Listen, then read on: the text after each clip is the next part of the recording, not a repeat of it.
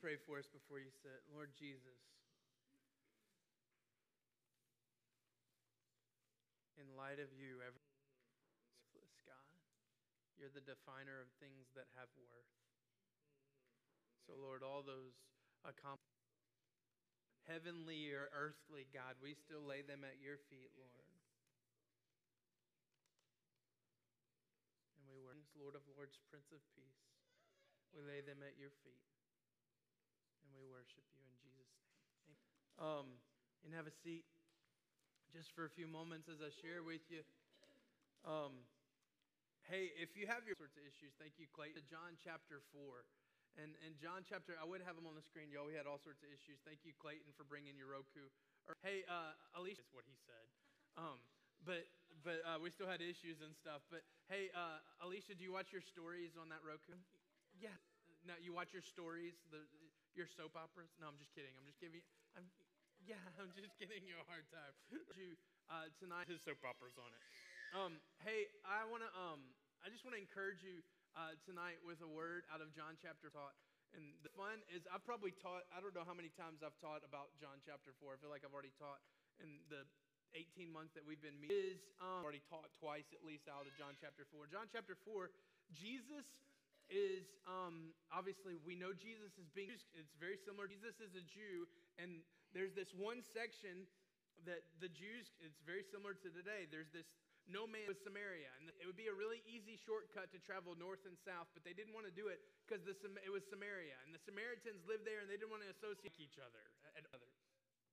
And so it's kind of like Tennessee fans and Alabama fans. We don't like each other at all, at all. This concept of that's that's debauchery right there, buddy. Um, so, anyways, there's this there's this concept of hey, let's go around that Jesus says through Samaria, and and you've, you've heard it before probably. The Bible says that Jesus says, or Scripture says Jesus had a path that the area, which is not necessarily accurate. There was always this other travel path that the Jews would make so they didn't want to have to go through Samaria. This, I love this. It says Jesus had to go to Samaria, and he has to go to this well. And the Bible even says this. I love this. It tells us so much about who our and he was kings is that he was weak, he was tired from the long journey, and he was hungry. And he asked a woman at the well for water because he's thirsty. Now, this journey wouldn't have been out, but for them, they will, for those that walk, like for some of us, maybe a hike like this would have tired us out, but for them, they were walking, they were pretty fit for us to have it. wouldn't have been a big deal. It's interesting the scripture says that Jesus was tired, and I think it's just for us to have a nod to he was full as we can, we at the same time being fully God. We don't really understand that. Sometimes we, can, we think that it's He's God in one moment, but we get you know we don't understand it, we don't comprehend it in being fully man and fully God. But we get used to statements like this worship in church, you've been around church at all, you've heard this statement before. We worship in spirit and in heard for a long right?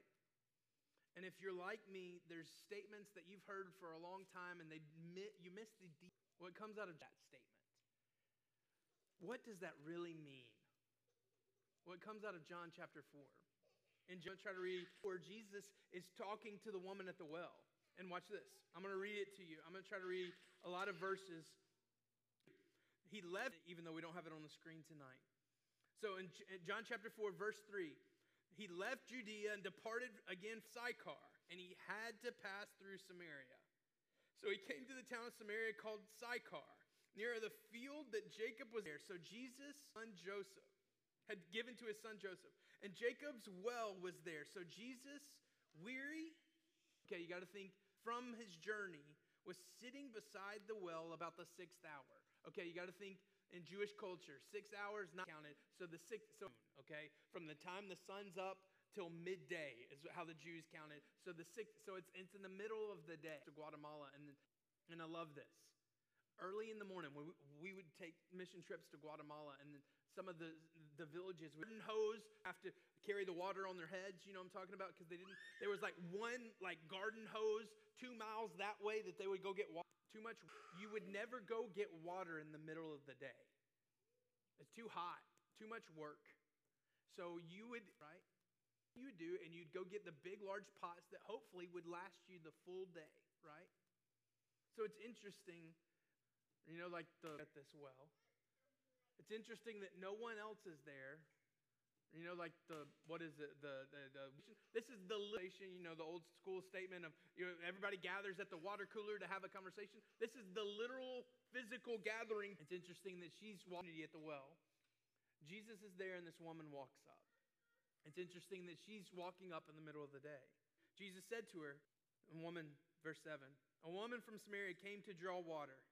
Jesus said to her, Give me a drink. For his disciples had gone, that you, a Jew, the Samaritan woman said to him, How is it that you, a Jew, ask for a drink from me, talking to a woman? Samaria. One, Jew talking to Samaritan. Two, man talking to a woman. Not culturally normal. The gift of God. And verse 10, Jesus answered her, If you knew the gift of God, who it was that was saying, Give me a drink, you would have asked him, and he would have given you living water. And woman said to him, Sir, love some with, and the deep and the well is deep. Where do you get that living water? I love sometimes when um, remember about foreshadowing. When what grade do you learn foreshadowing? It's like like in elementary grade, you learn about foreshadowing, right? Like something happens and it's with her and might happen next. We know what happens here. He talks to her, he interacts with her, and she said, he says, I've got this. He goes, Well, give me some living water inside of me. And she said, and you'll never go thirsty again. And she goes, Well, give me some of that water so I don't have to keep doing this. Husband. And Jesus said, and he says, Okay, go get your husband. And she goes, I don't have a husband. And Jesus says, You're right. You're on your fifth, this well in the middle, than your husband. Think about this woman. She's walking to this well in the middle of the day by herself. This passage, ostracized from community probably, but watch. I, I love reading this passage with a little bit of foreshadowing, the wounds that she's carrying. Sir, you don't have anything to draw, and the well is deep. Imagine the wounds that she's carrying. Oh, my wounds. Living water. And she's saying, in essence, you don't know my wounds. You don't have well, but it's foreshadowing about, and this well is deep. Now, of course, they're talking about the physical well, but it's foreshadowing about the spiritual well that she, uh, Lord, I don't know deep wounds and everything. You're walking in tonight going, hey, I'm wounded. I'm, uh, Lord, I don't know if you can fix this. Mirror, and there's nobody in the mirror. Rolls up his sleeves and says, let's go, right? And keep looking at people in the mirror, and there's nobody in the mirror. Sorry. I'm sorry. Jesus said to her, Oh, wait, wait, verse 12. I'm sorry, verse 11. She says, Sir, I know. Verse 12, are you, where do you get that living water? Verse 12, are you greater than our father, or everyone who drinks this well and drank from it himself, and his sons and his livestock? And Jesus said to her, Everyone who drinks of this water will be the water that I give him. Whoever drinks of the water that I give him will never be thirsty again. The water that I give him will become a, a spring of chore again, eternal life. The woman said to him, Sir, give me this water so I don't have to do this chore again, basically, is what she said. Verse 6 You have no husband. Your husband, tell him to come here. And the woman answered, I have no husband. Jesus said to her, You're saying this right. You have no husband, for you have had five. It's true. And the woman said to him, This Is not the one, is not your husband. What you said is true. And the woman said to him, Sir, I perceive you are our fathers, watch this, this is the point for tonight. Jesus has just cut to the core of who she is. And watch, he is the best surgeon to handle the wounds. Watch. He handles her wound. You say that I, and she says, Our fathers worshipped on this mountain. But you say that I, that in Jerusalem is the people ought to worship. She's trying to have a religious debate to not talk about the wound. Let me say that instead of talking about the demons, we all fall to that trap. We try to have a religious debate instead of debate instead of talking about the deep wound that's inside of us, don't we? Well, house church, that's a little weird for me, you know.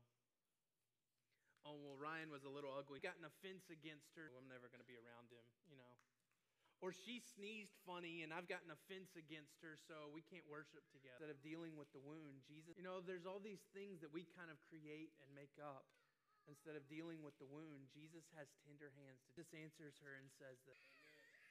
Listen to this. Jesus answers her and says this Either on this, believe me, the hour coming, the hour is coming, when neither on this mountain nor in Jerusalem. What? You worship what you do not know. For salvation, as we as Jews, we worship what we know. For salvation to the Jews, for salvation is from the Jews. He's saying, in the but the hour is coming, and now it is here. He's saying, in the moment. For the Father is seeking, will worship the Father in spirit and in truth. For the Father is seeking such people to worship him. God love this. Look at and those who worship him must worship in spirit and in truth. I love this. Look at where she jumps to. Watch. She said anything about Messiah. The woman said to him, I know Messiah is coming. No one has said anything about Messiah, but this is cutting to her. He's got to say something. Is this what this is? The woman, the one who is, when he comes, the one who's going to rescue us. I know that man's coming. When he comes, he who, you, who speaks, and Jesus said to her, I who, you, who speak with you am he. And it's the first time ever in Scripture that Jesus refers to himself as the Messiah. And it comes from a cast, watch, Samaritan woman. Watch. Jesus is trying to worship things that we know. When have you ever worshiped something you three weeks ago or whatever? Uh, Max's birthday was a few three weeks ago or whatever. And okay, when you turn 10, you no longer, your kids bestowed on him cash. Like it was like, okay, when you turn 10, you no longer get the presents anymore. That's what you're doing here, right? Literally, everybody leaves and he walks in and starts doing the thing. I'm like, you don't know what you're doing here, right? but so, right? Cash everywhere. So he goes out and buys Mario Maker 2, right? I'm about ready to throw the thing for stock and disposal. Because it's like, as soon as it comes on TV, the ears don't work, the eyes are stuck, and, and the world stops. Right? I didn't know the, and it's for me too, right? Like, I'm a little addicted to this game too. I didn't know the game existed when you worshipped it. You see it? When you realize, when you come to know something, worship things that are worship it. Now, you can reject it, but you can't worship things that are, are not known that brings infield to us. Watch. Truth brings understanding, but spirit brings intimacy. So Jesus is the biblical and understanding of who I am. And then the biblical know isn't we study knowledge of one another? That has to come through the Spirit. Look, if we study just to study and fill our mind, we are filling our worshiping halfway. We only have 50% of the relationship. We are filling our minds with something that needs to hit. I know who, and the moment that it hits my spirit, I walk into a greater intimacy. I know who George Washington is. All sorts of things about him. Uh, we, what, we watched a, a, series on him, right? But I don't boy bands and all that relationship with him. Remember, like the crazy fanatics back in the 90s for all the boy bands and all that stuff? Like they could tell you every know your name. He loves Purple Jolly Ranchers, right? I'm like, okay, does he know your name? No. What? It's a restraining order, right? Right? Like, like, like keep him away. What? You need to see this. Nothing paired with the Spirit helps us connect on a to obtain. For so long, church has been built on reading to obtain knowledge. And there's so I can't much deeper when I submit that I'm an idiot. I can't get there. You shouldn't say yes when I'm in me that per- no, no. But I, you understand this. There is a there is something in me that prevents me from connecting with the Father. Holy Spirit of God has to reveal illuminate, show me. Holy Spirit, show. So watch this, the real deal. She uses physical location. She says, We worship here, you worship there. What's the real deal? You know what this place is? Shechem is the. Sychar is also known as Shechem. Shechem is the place where Jacob, Shechem, the interaction with God, and God renames him Israel. Shechem is the place where Abraham and God renames action with God, and God says, Your descendants will be like the stars in the heaven, and God renames him Abraham and builds Joshua, when they come back into the promised land, builds an altar right next to on to remind them that God has promises that he delivers on. For the Jews, there's the here and now of who God is based on these physical locations. But watch the here and now. For her, Messiah, I'm Jesus is saying, God gives promises and fulfills them. I'm the Messiah. I'm sitting right here where that promise, you've got five. In the midst of struggle, you've got five husbands and the one you're with ready to work. In the midst of struggle, I'm still here, ready to work. Places of promise always turn to places of worship.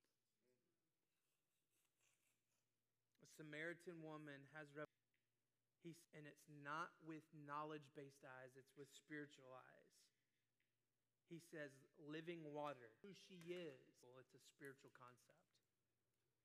He tells her he knows who she is. How does he know that? Only of the heart. And the location is a matter of the heart, not a place on how we worship. Watch. God isn't concerned where we worship, He's concerned with how we worship. Past, but look, I love this. You could take it another step further. God isn't concerned with the past before the worship. Or the religion with the past of the five husbands, or the wounds, or the lying, or the religious spirit, or whatever the drama is. True worshipers, not concerned with that. Watch, true worshipers are directed true worship is directed to God for who He is, not just what He does. He's a promise we worship. We're, he's, never been, he's never broken a promise. But wait, that's not something we worship. We're grateful for that. We worship Him a promise because He can't change. We call Him a promise keeper, and He's scratch Lord. There's another option. There isn't another option with the Lord. He, we are grateful. We worship an immovable, unchanging God. And we are grateful because of that. He a salvation, promises, and doesn't ever change them. He's a salvation giver. But watch, that comes grateful, and we worship because in gratitude because of the salvation. But watch, that comes out of the very character of God. He, that none would perish. He is love. The very cool. That's a benefit and a characteristic of God. But because the very core of who He is, I am love, we think we can earn because of who He is. Let me say that one again because sometimes we think we can earn love. The church. well, we, we went to church. No, I stopped going to church. I started being the church. But watch. I am loved because he is, of course, not because of anything of me.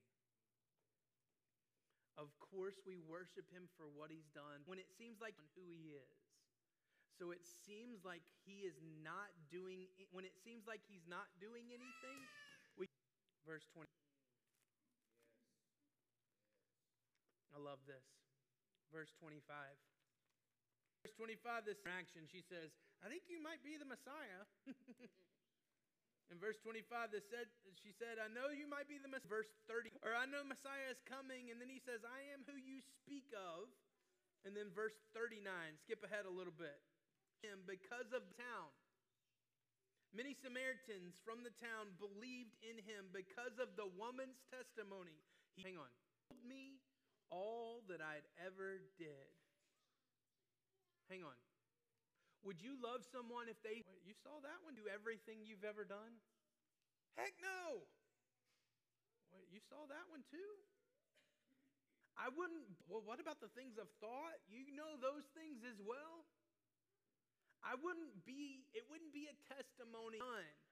Boy, if someone, if, hey, this man, he knows everything that I've ever done except for the rest to it in worship.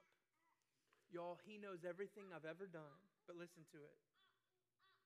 So when the Samaritan more believed him, they asked him to stay with them, and he stayed there two days. And many more believed because of his word. They for ourselves, and it is no longer because of what you said that we believe, for we have heard for ourselves, and we know he is indeed the same world.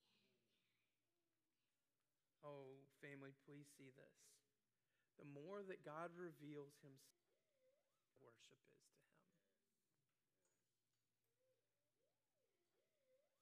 To be fully known by in the mountain and in the valley.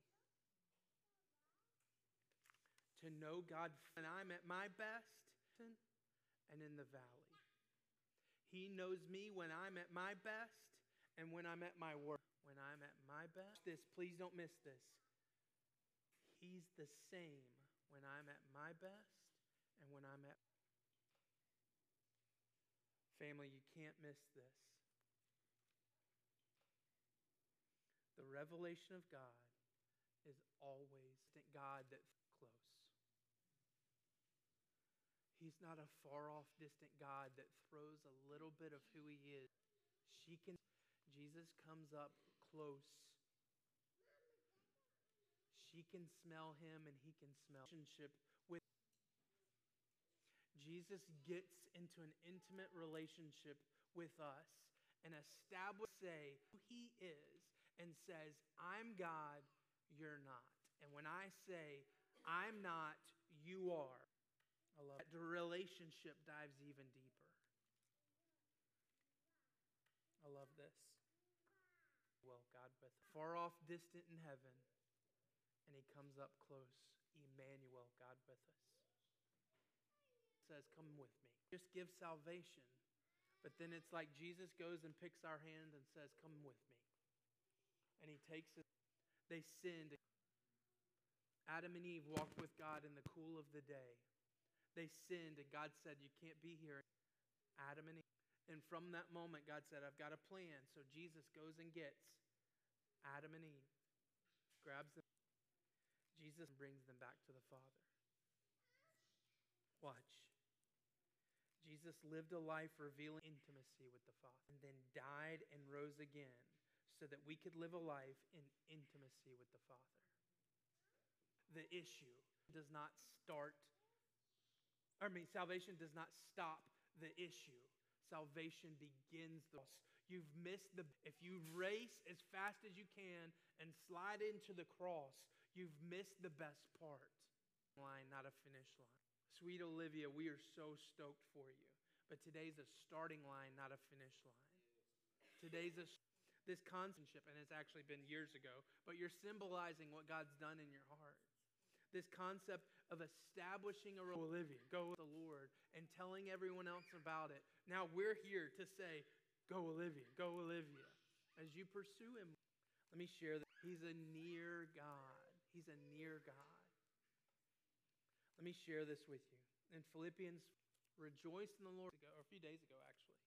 In Philippians 4, the Bible says, Rejoice in the Lord always, and again I say, be made known to all. Let your gentle spirit be made known to all men, and is near. It's like half of a verse. It says, The Lord is. Watch this progression. If I rejoice, my posture that God's doing something, rejoice in the Lord always. And again, I say rejoice. My posture is worship. Look, and in a gentle spirit, I'm worshiping the Father. Look, God is near. Thanksgiving and supplication, it says this. You've probably quoted this before. The Lord is near. With thanksgiving and supplication, make your request. God becomes near to the Lord. Because He's near, because you posture yourself appropriately, God becomes near and you make your request. When, and I want to talk to you, you make these requests. God, I've got all these things going on in my life and I want to talk to you about them. And you're close. He's in, which doesn't. And then watch. And the peace of God, which doesn't make any sense, will guard your, is what your heart is the things you desire. Your spirit is what your heart is. And your mind. Look, Christ Jesus, the things that you understand, truth. Look, in an act of worship, when we worship, God supplies more spirit and more truth. And it sustains. No matter how chaotic your week, summer's up, no matter. Okay? It's six o'clock, the timer's up. Yep. Thank you. And he's the no matter how chaotic things are, the Lord's near. And he's the Prince of Peace. And your heart, your spirit, and your mind, the truth. And you can worship him more in spirit. God, I let me pray for us. God, I, I pray that you would seal the concept of spirit and truth. King of Kings. Lord, that you are a factual King of Kings and Lord of Lords. You are that know that God. But our spirit can attest that you are the King of Kings and Lord of Lords as well. I pray that reveal yourself, Lord. So, King Jesus, I pray that that Prince of Peace, con- we would establish every heart and every mind. Lord, as we start our week Lord, that we would establish you as Lord in Jesus' name. And God, that you would stir in us a new thing.